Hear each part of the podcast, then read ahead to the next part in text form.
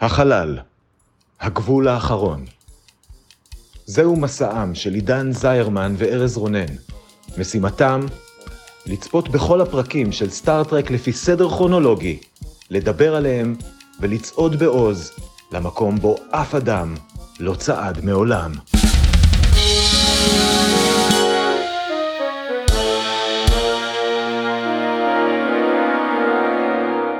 שלום, אני עידן זרמן, ואני ארז רונן. ואנחנו הולכים לדבר היום על הפרק העשירי בעונה השנייה של Star Trek הסדרה המקורית, Journey to Babel, Babel, בבל. הוא שודר במקור בתאריך 17 בנובמבר 1967, וכרגיל, כדי להכניס אתכם לעניינים, נתמצת את כל מה שקרה בו בדקה אחת. ארז, אתה מוכן? ועוד איך. אז אני מקווה שנסגרת למה הם קוראים לזה אה, בבל ולא בבילון פשוט, כדי שזה לא יישמע מוזר באנגלית, וצא לדרך. כן, לשלום, לא לאלימות. ה Enterprise לוקחת טרמפ כל מיני שגרירים וצירים בדרך למשא ומתן על צירוף גזע חדש של חייזרים לפדרציה. הנושא מעורר מחלוקות נרחבות בקרב האורחים המכובדים, והרוחות מתחילות להתלהט. אבל רגע, מי זה שם? זה סארק, שגריר וולקני מכובד שהוא גם במקרה אבא של ספוק. ומי זו לידו אם לא גברת סארק, בת אדם שהיא אשתו של סארק וגם ממש במקרה אמא של ספוק. ספוק די מובך מהביקור של ההורים שלו, במיוחד ברגע שאבא שלו הופך לחשוד מרכזי ברצח של אחד השגרירים שביקר בספינה. סארק נעצר אבל עובר פתאום התקף לב שמצריך מספוק לתרום לו איבר. בינתיים גם קירק כמעט נרצח וגם יש ספינה מסתורית שעוקבת אחרי ה Enterprise. הכל נורא מסובך, אבל אין מה לדאוג, קירק מצליח לקום ממיטת חוליו,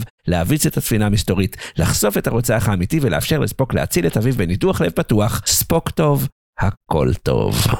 הספקתי בדקה? כן. זה היה מורכב. כן, נכון, זה היה פרק מאוד מאוד מורכב. היה לנו A-plot של uh, שגרירים שרוצים לצרף גזע לפדרציה ומישהו רוצה לרצוח אותם. והיה לנו B-plot של ספוק וההורים שלו. והיה אקשן, והיה אינטראקציה בין שתי העלילות האלה. היו הרבה הרבה דברים. והיו חייזרים, היו הרבה הרבה חייזרים. נכון. כאילו, הכי הרבה חייזרים שאי פעם ראינו נראה לי. יש מצב, כן. היה לנו כמובן את הוולקנים. נכון. ואת הטלרייטים שהם אה, גזע של אה, חזרזירים עם מסכת פנים מאוד מביכה. כן, מהמשחק אה, Good and Evil. כן. הם גם שם מופיעים. כן, ואת האנדוריאנס שהם כחולים עם אנטנות. כן. ועוד המון חייזרים ברקע שלא בכלל נתנו להם שם, כולל גזע אחד שלא ראינו שזה הגזע שעליו דיברו אם מצרפים אותו לפדרציה או לא. נכון. זה היה הרבה. כן, היה, היה שמח, באופן כללי. זה, זה הרגיש קצת כמו פרק של Next Generation ששודר uh, קודם. זה פשוט הפעם הראשונה שה Enterprise היא הופכת לכזה מרכז מבקרים, ורואים המון חייזרים ביחד, וההתרחשות היא על ה Enterprise, הדרמה העיקרית הזאת של האינטראקציה עם החייזרים, ואני ממש נהניתי מזה האמת. זה, זה הפתיע אותי. אני גם נהניתי. כן. אמרנו מקודם שיש את האקשן שקורה במקביל, זה כאילו זה היה,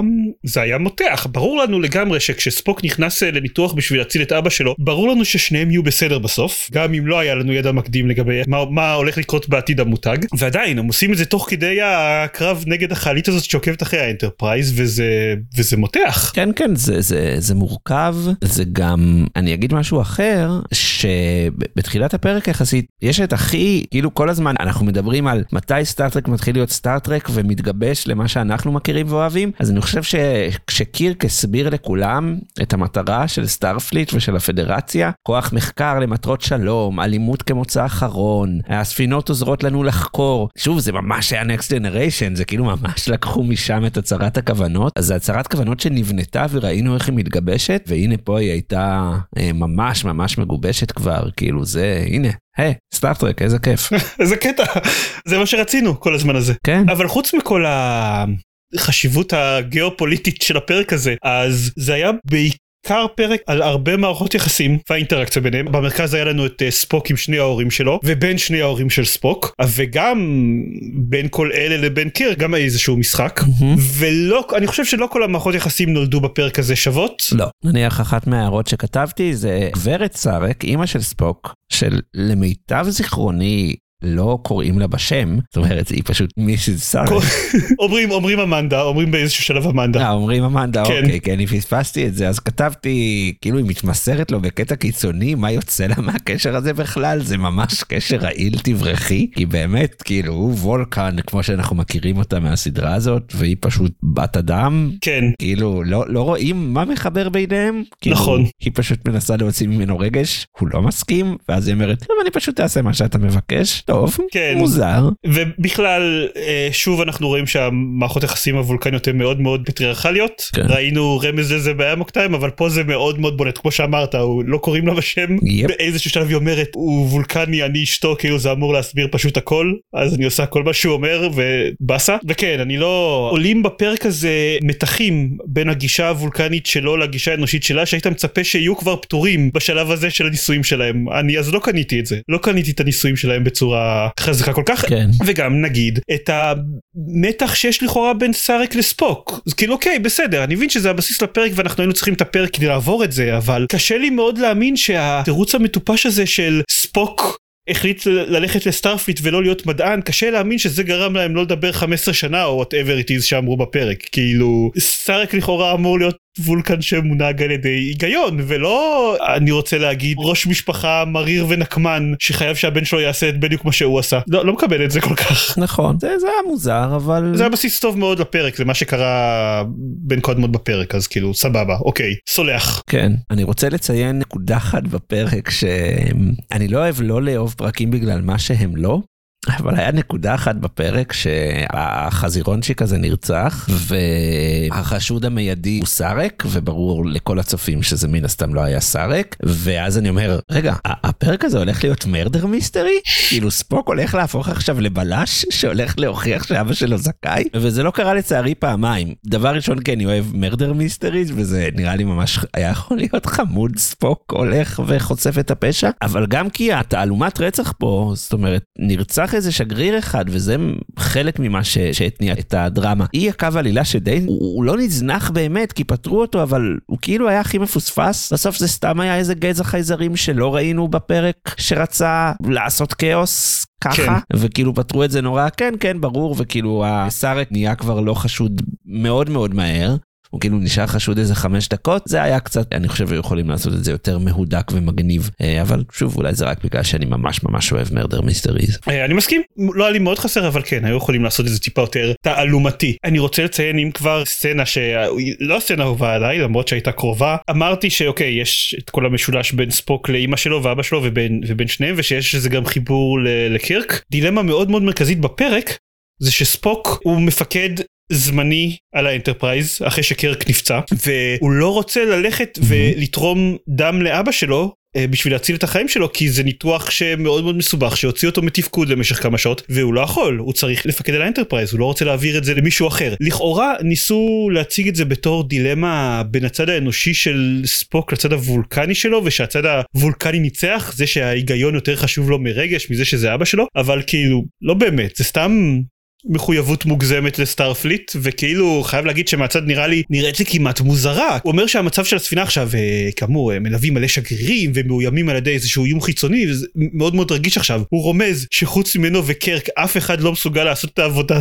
טוב באותה צורה. זה נראה לי מאוד לא סטארפליטי. גם כולם אומרים תנו את הפיקוד לסקוטי. וכאילו ברור שאם סקוטי היה בפיקוד כאילו הוא היה חושף את הרוצח ומביא כולם לבבל כבר לפני חצי שעה זה דבר ראשון. כי סקוטי הוא מלך אבל דבר שני בסופו של דבר עם כל היחסים וזה זה היה מאוד פרק ספוק ששם באמת את הדילמה של ספוק הזאת. המחויבות שלו לסטארפליט זה אפילו לא היה לקירק הפעם זה היה ממש לסטארפליט ולאנטרפרייז לבין אבא שלו. אני מסכים איתך ואני חושב שזה גם היה די כתוב ככה שכל הנסיבתיות הזאת כאילו בין וולקן או לא היא הייתה קצת מקושקשת. אבל אני כן חושב שגם מה שבסוף הוא כן אמר שסארק עצמו לא היה מאשר את זה אם הוא היה בוחר להקריב כביכול את האנטרפרייז או, או לבגוד במחויבות שלו בשביל להציל את סארק אני חושב שזו הסיבה. וזה דווקא היה קטע יפה כי סארק בסוף כן היה איזשהו אפרובל כזה שהיה ביניהם את השניהם פתאום התחילו לדבר אותו דבר מול האימא מול אמנדה. כן. כן זה היה דבר הגיוני לעשות למה אני צריך אה, להגיד לו תודה? כן אני לא אה, ושניהם פתאום נראו אבא ובן לרגע. אז זה כן זה היה תירוץ אבל אבל זה גם היה יפה. כן הפי אוף היה יותר טוב מהנסיבות אה, שהו- שהובילו לזה. וגם אני רוצה גם להגיד שקצת לפני הרגעים האלה אז אז אה, לספוק היה היה איזה משפט מאוד יפה שראיתי שהם דיברו על הדם של ספוק ועל כל הוא היה צריך בהתחלה אולי לתרום לו איזשהו איבר אבל אז אמרו שלא הם השתמשו רק בדם שלו שעשה איזה סינון של משהו whatever ואז אה, ספוק אמר על עצמו שיהיה אפשר בקלות לסנן את כל הרכיבים האנושיים מהדם שלי בשביל לטהר אותו בשביל אבא שלו וזה המשפט גם קצת אה, יפה יפה שספוק אמר על כן, עצמו. אני רציתי להזכיר קודם שדיברנו על זה שגם אם הנסיבות היו מאולצות אז ה payoff היה מאוד טוב שבשביל לשכנע את ספוק ללכת לניתוח אז קירק שעדיין שעדיין פצוע וכואב מנסה להגיע לגשר ולשחרר את ספוק מהפיקוד על האנטרפרייז כדי שספוק ילך למרפאה להציל את החיים של אבא שלו ואז אחרי שהוא יוצא מהגשר קירק יקרא לסקוטי שיקח פיקוד על האנטרפרייז וילך לנוח בחדר זה לא בדיוק קורה ככה בסוף כן, לא נותנים לו לנוח. ובכלל אגב לא רואים את סקוטי בפרק שזה אישית מאכזב אותי מאוד כי ברור היה כמו שאמרת שהוא יפתור את כל העניין בשנייה וחצי אבל הסצנה הזאת של קירק במדים עם תחבושת מתחת למדים ועם כאב שמאוד מאוד ניכר על הפנים שלו היא סצנה נהדרת שמפגינה משהו שמאוד כן. מאוד נדיר בסדרה הזאת וזה אה, כישרון משחק מצד וויליאם שאטנר. כן, כן. גם אהבתי את זה שלא נתנו לו לנוח, שהוא כאילו בא לשנייה הזאת, ובול בשנייה כן. הזאת, כאילו פתאום הספינה מותקפת. כי אתה רואה כאילו את הנחת הרווחה שלו ברגע ש- שספוק יוצא מהגשר ואז אוי באסה כן, אני צריך להישאר פה. כן, כן. אז אה, נהנינו מהפרק אה? היה פרק כיפי. כן, אה, אני רק רוצה הערה אחרונה. סבבה? לקרוא למקום בו עושים אה, שיחות שלום בבל, זה לא רעיון טוב. אה, מסתבר כן כן, זה כאילו לא... הם לא אופטימיים לגבי התוצאה, אבל בסדר. יפ טוב נעבור לפינות. בוודאי. בפינת הטריוויה שלנו אני אה, קודם כל רוצה להגיד בתגובות שלנו לאמוק טיים הגיב לנו שי בלפר בתגובות שזה מאוד כזה ברור מאליו וכולם מכירים את זה אבל עדיין נראה לו מוזר שלא דיברנו על זה שההצדעה הוולקנית מבוססת על ברכת כהנים יהודית. בסדר גמור. אז כדאי שנציין את זה עכשיו זה הפרק השני שבו הופיעה ההצדעה הוולקנית ומקוי מאוד מסתבך עם לעשות אותה. לונרד נימוי כשהוא היה ילד אז סבא שלו לקח אותו לביקור בבית כנסת וזה הוא מאוד מאוד התרשם מההצדעה הזאתי וכן היא התגלגלה להיות ההצדעה הוולקנית. כאלה אנחנו שולטים בעולם. מסתבר במקור הפרק היה אמור להכיל קטע שמתרחש על וולקן סארק ואשתו היו אמורים להשתגר לאנטרפרייז אבל הם איפרו כל כך הרבה חייזרים שפשוט לא היה להם כסף לזה. הגיוני. אז במקום זה השתמשו ב footage שכבר צולם בגלילאו 7 שמעבורת נכנסת לאנטרפרייז בגרסה שאנחנו ראינו זה הגרסה ה remastered אז יש קצת תוכן נוסף בקטע הזה קצת שחקנים אורחים ג'ון ווילר ששיחק את גאב השגריר הטלרייטי החזירי Mhm. הוא התקשה לראות דרך המסכה של הפנים שלו ובגלל זה הוא הרים כל הזמן את הראש וזה יצר את התכונה העיקרית לטלרייטים שהם מתנשאים ואגרסיביים כי הוא כל הזמן מדבר עם הראש למעלה. את מרק לנארט שמשחק את סארק אנחנו ראינו בתור הקפטן הרומולני ב Balance of Terror. הוא מאוד מאוד אייקוני בתפקיד סארק אבל גם אני בטוח שחלק מזה זה פשוט היה להם כבר אוזניים מחודדות שמתאימות לפ- לפרצוף שלו וג'יין ווייט ששיחקה את אמנדה היא לא שמעה על סטארטרק לפני שהוא נקרא לתפקיד שלה ומהתיאור היא הייתה בטוחה שמדובר בקומדיה ושהיא הולכת להעביר על הסט שבוע של צחוקים. זה יכול להיות שהיא העבירה שבוע של צחוקים בלי קשר. אז זו, היא אומרת שהיא הגיעה לסט וכולם היו מאוד מאוד רציניים ולקח לה רגע להבין שאה אוקיי רגע זה לא זאת לא הסדרה שהיא חשבה שזו. זהו זה מה שיש לי בטריוויה. אה, יופי של טריוויה. מכאן נעבור לפינת הסצנה האהובה. בוא נעבור. קדימה ארז תגיד מה הסצנה האהובה עליך. די בתחילת הפרק, אה, אחרי שההורים של ספוק עולים לסיפון, אז מקוי מגיע, מת לשמוע רכילות קצת על ילדותו של ספוק, ואז אה, אימא שלו מדברת על הדובי שהיה לו שהוא היה ילד, וספוק פשוט אומלל שם, הוא כאילו עומד מובך, שאימא שלו משפילה אותו ליד מקוי, ואז מנסה, אה, אבל הדובי שלי היו אה, שיניים חדות. היה כל כך חמוד וכל כך אנושי, מאוד מאוד אהבתי את הרגע הקטן הזה של ספוק. וואלה אני חייב להגיד לרגע אני חשבתי כשדיברת על בהתחלה כשהם פגשו אותם שהולכת להיות לנו אותה סצנה אהובה. אה. וכאילו חשבתי מה באמת בפרק הזה יש כל כך הרבה סצנות טובות כאילו על זה לבזבז את זה אה, אז לא אין לנו את אותה סצנה אהובה. הסצנה שאני הכי אוהב בפרק היא באמת ההתחלה שלו שסארק ואמנדה מגיעים לאנטרפרייז ומדברים קצת וסארק מתעלם באופן מאוד מופגן מספוק ואז קירק שואל את ספוק תגיד אנחנו עוד מעט עוזבים את אה, וולקן אתה רוצה אולי להשתגר למטה ולבקר את ההורים שלך ואז ספוק אומר "אה, המפקד סארק ואשתו הם ההורים שלי וידעתי את זה obviously כשקראתי את הפרק ועדיין זה היה רגע של reveal נהדר בעיניי גם מבחינת איך שזה מתוזמן ומבחינת כל מה שנאמר עד עכשיו ביניהם או לא נאמר והבעות פנים של כולם ברגע הזה זה היה ממש ממש אהבתי את הרגע הזה למרות שידעתי שהוא הולך להגיע. כן, זה היה קטע חמוד בהחלט. אז זה בשבילי זה הסצנה האהובה עליי כרגיל אתם יכולים להיכנס לצופים בין כוכבים הקבוצה שם יעלה סקר עם הסצנה שלי והסצנה של ארז ואתם יכולים להגיד מה אתם אוהבים יותר או להציע אפשרות שלישית בתגובות או פשוט להוסיף אפשרות שלישית לסקר גם את זה אפשר לעשות.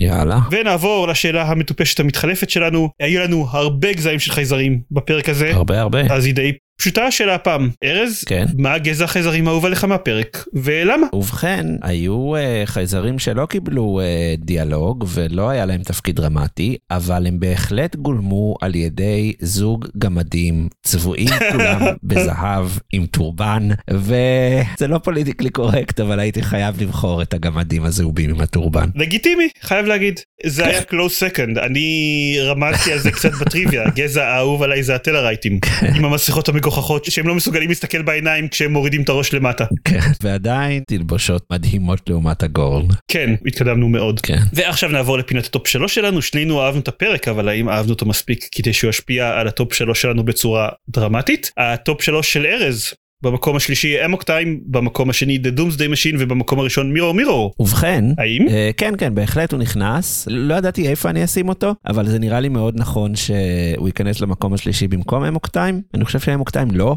הציג את הוולקנים בצורה טובה, והפרק הזה, בסופו של דבר, הציג את הוולקנים בצורה טובה. אז אה, אהבתי אותו גם יותר, ונהניתי, ויאללה, מקום שלישי אצלי. אחלה. אני מסכים איתך שלדעתי הפרק הזה מציג את הוולקנים יותר טוב מ Amok Time, אה, רק שבשלישייה שלי אז במקום השלישי Mirror, Mirror, במקום השני Amok Time ובמקום הראשון The Doomsday Machine, אז אם אני רוצה להכניס אותו לרשימה שלי יותר גבוה מ Amok Time זה אומר שהוא נכנס במקום השני. או, אז עכשיו במקום השלישי אצלי Amok Time, במקום השני Journey to Babel ובמקום הראשון The Doomsday Machine, מה שאומר שלראשונה ברשימות שלנו יש אה, שלושה פרקים שונים, סליחה, שלא, שלא כל הפרקים זהים. זהו, מתחילים את הפיצול, מכאן זה רק ילך ויידרדר. אולי, נראה. אז טוב, בוא, אני מחכה בקוצר רוח לראות מה יקרה בשארית העונה. גם אני? מעולה. הצטרפו אלינו בשבוע הבא, שבו נדבר על הפרק Friday's Child. וואו. אז, אז אתם יכולים כאמור להיכנס לעמוד שלנו, צופים מן כוכבים, או לצופים מן כוכבים הקבוצה, לקשקש איתנו על הפרק, ועל וולקנים והצדעות כהנים באופן כללי, ולהתראות. ואל תעצבנו כהנים. אז עצמנו כהנים, או וולקנים, או טלרייטים, או אוריונים, מסתבר. Mm, נכון, הם די מסוכנים. כן. ביי ביי. ביי.